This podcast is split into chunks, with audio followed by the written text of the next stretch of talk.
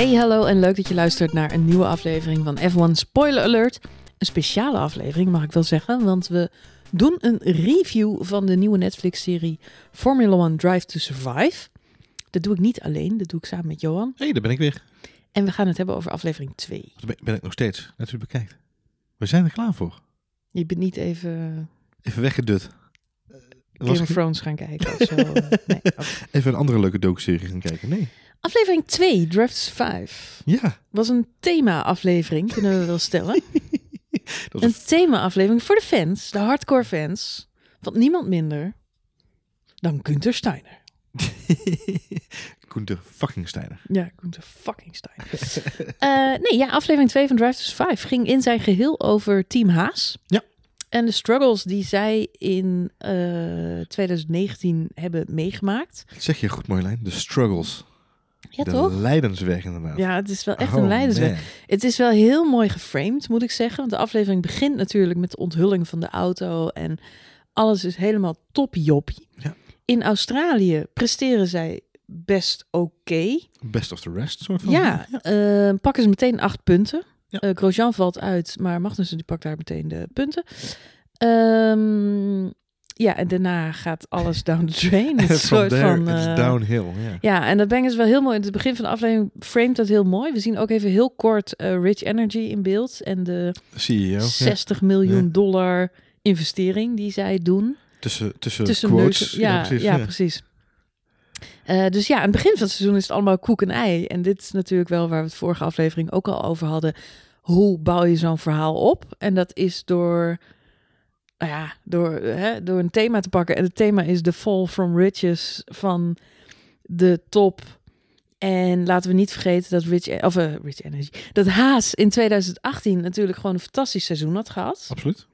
Eh, ja, en we zien gewoon hoe een team helemaal eh, door het ijs zakt. Ontmaskerd wordt. Ja, ook wel een beetje, ehm, eh, ik zou bijna willen zeggen ontleed wordt als je het hebt over de framing. Mhm. Omdat we eigenlijk gelijk aan het begin van de aflevering al te horen krijgen dat natuurlijk Haas een, het is een, het is een, een gekocht team, om het zo maar even te zeggen. Ja. Het is geen team wat vanuit intrinsieke motivatie auto's bouwt. Eh, zoals Mercedes of, of een eh, Ferrari dat natuurlijk wel doen.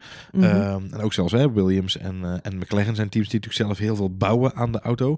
Heel veel innovaties zelf bedenken en zelf ontwikkelen.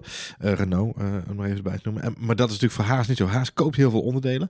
Ehm, en eigenlijk is die hele auto bij elkaar gekocht. En dat wordt aan het begin van de aflevering al even duidelijk gemaakt. Van, joh, luister, dit is een ander team dan andere teams op de grid. Het is een, een gekocht team. En daarmee voel je al een beetje aan je water aan waar deze aflevering natuurlijk heen gaat. Want los van die, die titelsponsor heeft Haas natuurlijk echt een achtbaanseizoen gehad. Ja, want het begin van het seizoen hebben ze een redelijk nou ja, eh, ambitieus doelstelling. Ze zijn 50 geworden in 2018. Dus de doelstelling is vierde of hoger. Ja. Daarmee beginnen ze Dat, in Melbourne. ja, dat is, zeg maar, je, hebt dan, je kunt de lat voor jezelf leggen. Ja, Of je kunt hem zeg maar gewoon ergens weggooien. En dan kijken of je nou, maar ik snap vinden. ook wel dat de teleurstelling dan dus heel groot is. Ja, als het er allemaal niet in zit. Nee, als je het hebt over het verwacht, verwachtingsmanagement, zijn er misschien slimmere tactieken toe te passen dan deze. Nou ja, goed. Ja, je hoopt natuurlijk dat het goed komt. En eh, vorig jaar de tests eh, vielen niet tegen. Dus, en je verwacht natuurlijk ook als je een goed seizoen hebt gedraaid... dat je op dezelfde voet door kunt gaan. Dus ik, Ja. ik snap heel goed dat je op die manier naar de, naar de grid toe eh, komt. Maar goed, het is inderdaad daarna een behoorlijke leidersweg. Wat mij heel erg opvalt aan deze aflevering... is niet zozeer het ver- verval... Ehm, wat ik heel interessant vind, is het kijkje achter de, achter de schermen. Ehm, En daarvoor moet ik Gunther Steiner, maar ook Magnussen en Grosjean toch wel echt ehm, eh, credits geven voor het feit dat ze zo openhartig hebben willen zijn om dit allemaal te laten zien. Eh, nogmaals, daar zullen ze absoluut ook wel geld voor gekregen hebben om mee te werken aan Ja. deze serie.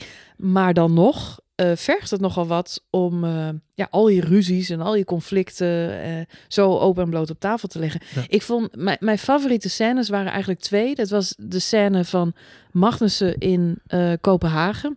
Ja. Waar hij met zijn vriend slash manager slash personal begeleider die ze- family friend, ja. ja, gaat zeilen, wat blijkbaar zijn, zijn hobby is. Eh, en de andere scène was Gunther Steiner, die met zijn vrouw en zijn dochter gewoon in hun huis in eh, Noord-Italië is. Ja. Ehm, en daar gewoon eten staat te maken met zijn vrouw. Om, om, ik, ik vind het heel mooi dat ze die mensen dus ook even buiten hun werk om laten zien. Omdat je dan ook veel meer beeld... Ja, het is... Formule 1 is ook maar een baan. Ja. Je, het is ook maar gewoon je werk waar je, waar je, waar je heen eh, moet. moet, zeg ik dan. Ja, precies. Ehm, maar het geeft ook wel aan dat ze. ehm, ja, het wordt ook wel neergezet als zijn. Dat is voor hun echt een escape. Van echt gewoon. Eh, een, een burn-out job op Nou, dat ziet, moment. Je ziet, je ziet Gunther Steiner, je ziet echt twee Ze gaan niet met plezier naar hun werk, Nee, zeg maar. nee, nee, dus nee, die, dat even eten koken en even zeilen is echt een welkome afwisseling. ja. Ik zie twee mensen die echt eh, randje, kantje boord, eh, burn-out zitten. Terwijl, zeg maar. als je het even op de keper bekeken, ik bedoel, eh Magnussen moet alle zeilen bijzetten in het kampioenschap en Gunther Steiner raakt regelmatig over de kook. Dus er zijn twee mooie beeldspraken die ze daar gefilmd hebben. Nee. Ehm, wat ik heel grappig vond, is dat je, je ziet Steiner inderdaad echt met zijn vrouw en zijn dochter dan door dat, door dat dorpje lopen in Noord-Italië. En waarop zijn dochter zegt, wil je eigenlijk al teambaas zijn? Waarop hij zegt, wat moet ik dan anders doen? Een heel leuk antwoord. Standaard antwoord van, denk ik, elke vader als het daarover gaat. Waarop zijn dochter zegt, ijsjes maken. Ja, ja, Ja. dat is wel een goeie, op zich een goede functie. Nou, je ziet een hele andere Gunther Steiner. En eh, ik weet niet hoe jij dat eh, hebt ervaren, maar eh, inderdaad de scène dat hij aan het koken is met zijn vrouw samen. Op een gegeven moment giet hij iets af. Eh, en ik zat eigenlijk te wachten op het moment dat er iets zo verkeerd zou gaan. En dat hij heel die keuken bij elkaar zou vloeken. Maar dat Oh. gebeurde dus niet.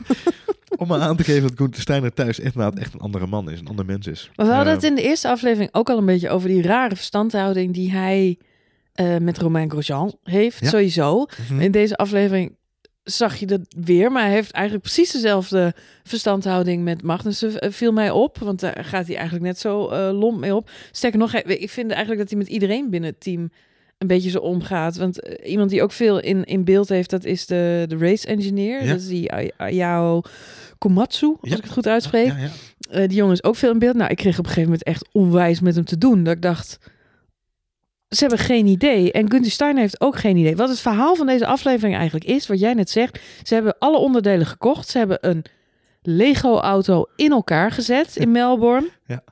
Daar ging hij nog best wel goed. En daarna zijn ze gaan tweaken aan die, aan die auto's. En dat doen alle teams. Dat wordt Ja. ook uitgelegd in die aflevering. Van ja, daarna ga je aan allerlei boutjes en moertjes draaien. En dan wordt die auto steeds sneller. Maar wat er bij Haas gebeurt, is dat de auto niet sneller wordt. Het wordt alleen maar langzamer. Wordt steeds slechter bestuurbaar. De topsnelheid is eruit. In de bochten is het dramatisch. Hij, zwabbert over Alle de baan. op. Ja, ze krijgen hem niet aan de Eh, praat. nee, ze krijgen hem niet aan de praat. Dus wordt op, op een gegeven moment zie je Gunther Steiner de call maken. Weet je wat, we gaan gewoon terug naar de auto in Melbourne. We gaan ouderwets AB testen. Ja. Ja. En dat vond ik zo. En we kennen dit fragment, want we hebben het er in de podcast afgelopen seizoen uitgebreid over gehad. Dit is nieuws wat naar buiten lekte. Van nou ja, baas en zo het spoor kwijt. We- Ze gaan gewoon terug naar Melbourne en jade jade. Maar in deze aflevering zie je dus dat moment Ja. dat hij ook aan tafel zit. Hij zit iedereen aan te kijken. Niemand die het weet, niemand die een oplossing heeft. En dan zegt Gunther Steiner, die zegt, die slaat met zijn vuist op tafel. Die zegt, weet je wat, we gaan terug naar die auto. Eén van de twee auto's. Hij zegt, maakt mij niet uit wie van de twee coureurs daarin gaat rijden. Dan ontstaat er ook nog een soort akkefietje. Eh, waarbij ze allebei wel heel graag In die in die oude auto auto, wil. willen gaan rijden. Ja. En dan zegt Gunther Steiner, zegt, nee, laat Grosjean er maar in zitten. Want eh, hij was degene die het idee Ja, uh, dat, zegt al zijn, dat zegt race engineer. Oh, Die zegt van laten we Romain kiezen inderdaad. En dan zegt goed, oké prima. Ik ga Ja, Kevin prima. praten. Ja. Want eigenlijk willen ze er allebei eh, in, in die oude auto zich ook plaatsnemen. logisch natuurlijk, want ze willen allemaal terug naar waar het vandaan komt. Maar ik vond het zo frappant dat je denkt... Zo'n team zou toch geleid moeten worden door... eh, ja, dat wordt het natuurlijk ook wel. Maar de manier waarop het dan in deze aflevering een beetje wordt neergezet... is alsof die mensen geen idee hebben wat ze aan het doen zijn. Die Nee, hebben het een bouwpakketje gekocht. Ze hebben een auto in elkaar gezet. Er zitten twee jongens in. Nou, en die, en die rijden maar rond. En ze zien zichzelf dus nou ja, Wegzakken. Ja. wegzakken tot het niveau van Williams. Dat ze denkt, nou, als we in elk geval maar daar boven blijven, want als dat niet, daar maakte ze zich op een gegeven moment ook zorgen over. Vond ik wel heel schattig. Ehm, maar ja, eh, eh, dan wordt er maar besloten van, oké, dan doen we dit maar. De, Ja, wat je- ik wat je weet het ook erg allemaal niet meer. Wat je heel erg ziet is dat het team inderdaad... eh, het, het, het zal niet zozeer een gebrek aan kennis zijn. Maar het lijkt erop alsof het een... eh, ik, zie, ik zie eigenlijk over twee assen... Het is heel raar om in een podcast eh, over Formule 1 dat, dat te bespreken. Maar je ziet op, op twee assen zie je dat het, dat het management een hele rare keus maakt. En één is de manier waarop Gunther Steiner besluit om die mensen te gaan motiveren. Dat zie je aan het begin van de aflevering al in een of andere vreemde pep talk die hij geeft. Volgens mij voor, nog voor, voor Oostenrijk, die we, hè, de race die in deze eh, eh, eh, aflevering centraal staat. Wat heel maf is overigens om mee te maken. Aflevering 2, Oostenrijk. Dat je denkt, oh, oké. We zijn even wat Ja, maar dat is een sprongetje in de tijd. Ja, nee, de tijd, wel tijdlijnen weer- moeten we, Ja, moeten we... Dan nemen ze een loopje mee in dit geval, inderdaad. Dat, dat, dat, maar, blijf Laten we niet vergeten dat deze serie wordt gemaakt om mensen enthousiast te krijgen voor Formule Eens, 1. helemaal met je eens. Maar goed, we zien dus inderdaad Koen daar al een hele vreemde pep talk maken. En dan, op dat moment heb ik al zoiets van, het is vreemd de manier waarop hij dat, dat insteekt. En waarop hij mensen aanspreekt. En de toon waarmee dat gebeurt.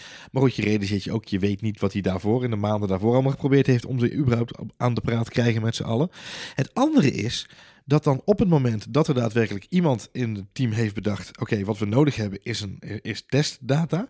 Dus laten we dan maar gewoon AB gaan testen. Hè? Met een oude auto, een nieuwe auto. En dan kijken waar het mis zit. En dan maar gewoon gaan debuggen. Ik- Als oud programmeur kan ik daar altijd om lachen. Gewoon ouderwets debuggen. Daar een knopje omdraaien. Kijken wat er dan gebeurt.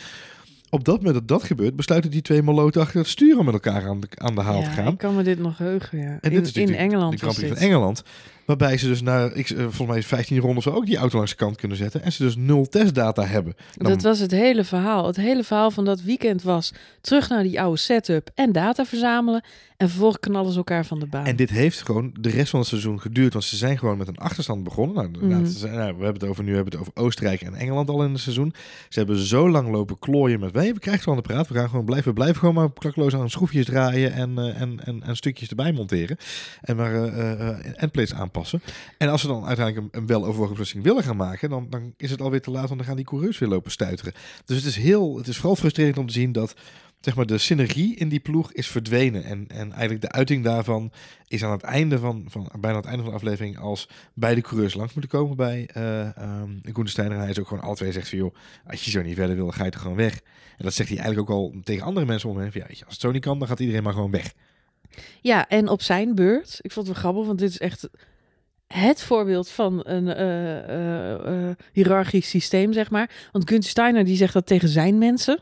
Ja. En hij krijgt het weer te horen van Gene Haas, Ja, zijn baas. Tijdens de lunch.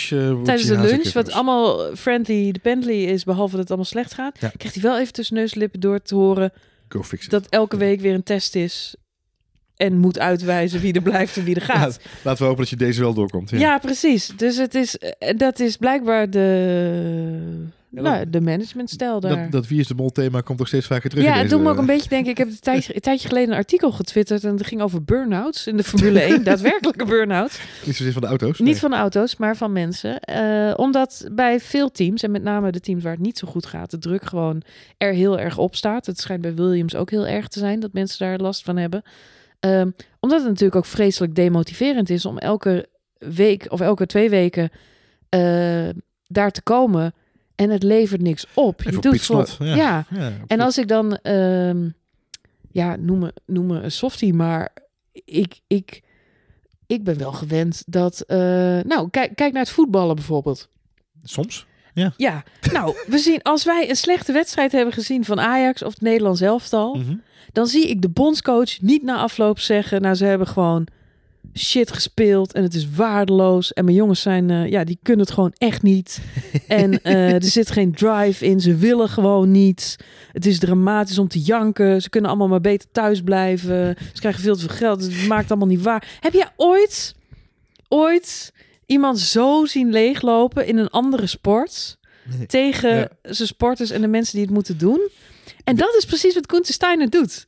Dat is zijn manier van management en ook die van Gene Haas. En, en je ziet al die koppies van die mensen echt zo van... ja, we willen wel beter ons best doen, maar ik weet het ook niet. En ik zie die Steiner daar ook zo een beetje tussen laveren. Zo van, ja, ja, ik weet ook niet hoe je een auto in elkaar moet zetten. Jullie moeten het probleem oplossen. Als jullie niet harder gaan rijden, zijn we allemaal onze baan kwijt. Ja, precies. Het is, het, het, als het niet zo triest was, dan zou het heel hard lachen zijn. Ja, het is, het is wel. We- kijk, het team is niet. eh, het zijn geen maloten. Eh, ze zijn het jaar ervoor natuurlijk niet voor niks zo hoog geëindigd. Maar als je ziet hoe dit dan eh, ge- gebracht wordt, dan, dan schrik je je daar natuurlijk wel een beetje van. Is het vooral ook heel zuur om te zien dat de mensen die in die, in die pitstraat zitten, ook gewoon helemaal krankjoren worden. Zo van, ja, weet je, zelfs de pitcrew, de mensen die de, de pitstops doen, die ook zeggen van, ja, wat is dit, zit Ik zou er heel wat voor over hebben om dezezelfde aflevering ook nog van Williams voorgeschoteld te krijgen. Want als dit bij Haas, Haas is nog niet eens laatste, hè, Moet je je voorstellen hoe bij Williams eraan toe gaat. Ja, dat is wel Het moet nog een tandje erger zijn dan dit. Wat ik wel een pluspuntje vond aan deze aflevering is dat in ieder geval duidelijk is dat wat, waar, waar ik vorig seizoen, laat ik zo zeggen, waar ik vorig seizoen bij deze serie een, een wat eh frank gevoel bij had, was dat ik inderdaad het gevoel had dat Grosjean daar inderdaad bij Haas soort van ehm, eh, kind van de rekening was. Hè. Kevin Magnussen was daar de posterboy, populair, zoon van een oud wereldkampioen of een oud coureur ook, sorry. Ehm, en die werd een beetje naar voren geschoven. Mij valt op dit seizoen, eh, in ieder geval beter in beeld gebracht, denk ik. Misschien dat of de relatie is echt veranderd. Maar ook Kevin Magnussen krijgt gewoon die wind van voren. En is ook helemaal niet zo'n eh, zo'n favoriet. Eh is niet het, het favorietje van, van Steiner of van andere mensen binnen Haas. Nee, maar we, kunnen wel vaststellen Tough Love een beetje zijn, zijn management is. Hij neemt gewoon iedereen in de zeik. Daar moet je tegen kunnen. Maar tegelijkertijd zijn er ook momenten in deze aflevering dat ik Romain Grosjean eh, de, de arm om de schouder van Steiner zie doen en samen Ja. weg zien lopen. Nee, Met andere dat. woorden, dat bevestigt het beeld wat wij al hadden. Dat Grosjean en uh, Gunther Steiner stiekem gewoon een hele goede relatie hebben. Wat ook logisch is dat het contract natuurlijk verlengd is. En ik denk dat dat voor Magnussen min of meer hetzelfde geldt. Maar ze weten het gewoon heel goed te verstoppen bij Haas. Nee, nou ja, nee, maar ik De denk dat het echt... Nee, maar het is de, de buitenkant, is, het, is, het is tough love. Het is heel eh, hard. Dat is blijkbaar de stijl waar hij voor gekozen heeft. Eh, maar wat mij wel, wel verbaast is dat je... We weten inmiddels hoe het is afgelopen. Eh, Haas is negende geworden in het kampioenschap aan het eind van het seizoen. Het was geen goed jaar voor ze, dus Nee. het komt ook niet meer goed. Nee. We, we, we skippen niet helemaal naar het eind van het seizoen, maar het is niet... We zien nog wel trouwens even het akkefietje met Rich Energy heel snel Heel snel langskomen. Ik was heel benieuwd hoe ze dat in beeld zouden maken. Maar de tweet komt daadwerkelijk in beeld. Ja, en ze hebben de, de William, eh of weet die, eh, ja, William Story hebben ze nog, eh nog Ja, die heeft er nog even kort. iets Ja. over gezegd. Maar ze houden het redelijk netjes. Ik moest wel heel erg lachen omdat Steiner het echt helemaal beu was om daar überhaupt vragen over te Dat vond ik wel beantwoorden. fijn om even te zien inderdaad. Ja, dat dat Ja, daar kan ik me ook iets bij voorstellen. Wat een nonsens verhaal. En ze hadden natuurlijk stik de balen van. Want die 60 miljoen die is nooit doorgekomen. Daar hebben ze maar een fractie van gekregen. Dus ja, dat, eh, het, zat ze, het zat ze allemaal eh, niet mee. Nee, klopt inderdaad. Maar ja, nu, nieuw seizoen. Barcelona is er net test geweest. Ja. Haas, veel betrouwbaarheidsproblemen weer. Ja. Eh, Magnus heeft wel gezegd, de auto voelt in elk geval beter dan 2019. Wat op zich... Wat, wat Logisch is. hoopgevend Ja, is. Nee, ja. goed, maar het ging dus alleen maar neerwaarts. Dus het is wel iets beter, maar nog steeds zit er, niet, zit er geen hoge snelheid in dat ding. Nee. Ehm, Nee, hebben we nog uitgelegd. dus ja, maar- ja, mijn vraag is eigenlijk, waarom heeft zo'n Gene Haas dan toch besloten om nog een jaar door te gaan? En gaan zij, gaan zij dan dit jaar, want nu is het, nu, de verwachtingen zijn nu een stuk lager. Hè? Ze zijn nu blij als ze het succes van 2018 kunnen evenaren. Ja, ja. Dus dat betekent dat ze vijfde of zesde, zou dus nu heel blij mee zijn. Ze hebben de doelstelling in ieder geval Ze hebben de bijgesteld. doelstelling in elk geval bijgesteld. Kijk, les 1 van verwachtingsmanagement Ja, is je eigen les 1 van. KPI's is dat je ze altijd zo moet definiëren, zodat je zeker weet dat je ze haalt. oh, wat, eh, under promise, over deliver. Ja, dat is het verhaal. Dat heeft Steiner wel geleerd. Nou ja, kijk, ik denk, eh, ik weet niet zeker, ik zou er even in moeten duiken, maar het zou me niet verbazen als Haas gewoon een agreement heeft met het team voor het- ook nog dit seizoen. Hè, dat 2020 nog het laatste seizoen is waarin die, die partnership er ligt. Ehm, eh, en voor 2021 is natuurlijk de vraag, ja, dat, dat- dat- ik vermoed dat hij daar ook gewoon in mee zal gaan. Er zijn heel weinig wijzigingen, want voor een aflevering waarin zulke harde woorden vallen. Ja. Eh, weet je wel, als je niet meedoet, dan, kun je, dan vlieg je eruit. Als je geen zin meer hebt om terug te komen, dan hoef je niet meer terug te komen. Elke eh, race is een test. En als je de test niet haalt, dan lig je eruit. Ja. Ik heb even een beetje rond zitten kijken op LinkedIn en eh, dat soort dingen, terwijl we die aflevering zijn. Iedereen zit daar nog. Tuurlijk. Er is niet, zelf, hè, de coureurs is bekend, maar de coureurs zijn verlengd omdat Gun Steiner eh, zei: Ik wil niet weer van vooraf aan beginnen. Ik wil continuïteit in Ja. het team. Dus dat is nu de strategie. We gaan gewoon met dezelfde mensen op dezelfde weg voort. In de hoop dat het uiteindelijk beter wordt. Dus Ja. harde woorden, weinig daden. Weinig daden. dat is ook wel sterk inderdaad. Hey, één dingetje wat mij nog verder opviel aan deze, want jij noemde al even de, de, de, gerucht eh, Gene Haas eh, eh, stapt uit, uit dit team als het zo doorgaat. Er was natuurlijk een gerucht wat dit seizoen ook rondging in de Formule 1. En ehm, nog even onze updates erbij gezocht net. En het valt mij wel een beetje op, nu vallen de kwartjes een beetje op hun plek. Volgens mij is het merendeel van de geruchten die we de afgelopen eh, eh, jaargang voorbij hebben zien komen op de verschillende media, zijn volgens mij allemaal afkomstig uit de interviews die in deze podcast, of uh, podcast, in deze docu-serie zijn gegeven. Um, in de vorige aflevering, de eerste aflevering, uh, Christian Horner, die al gewoon een boekje opendeed over de clausule in Max Verstappen zijn Ja. contract.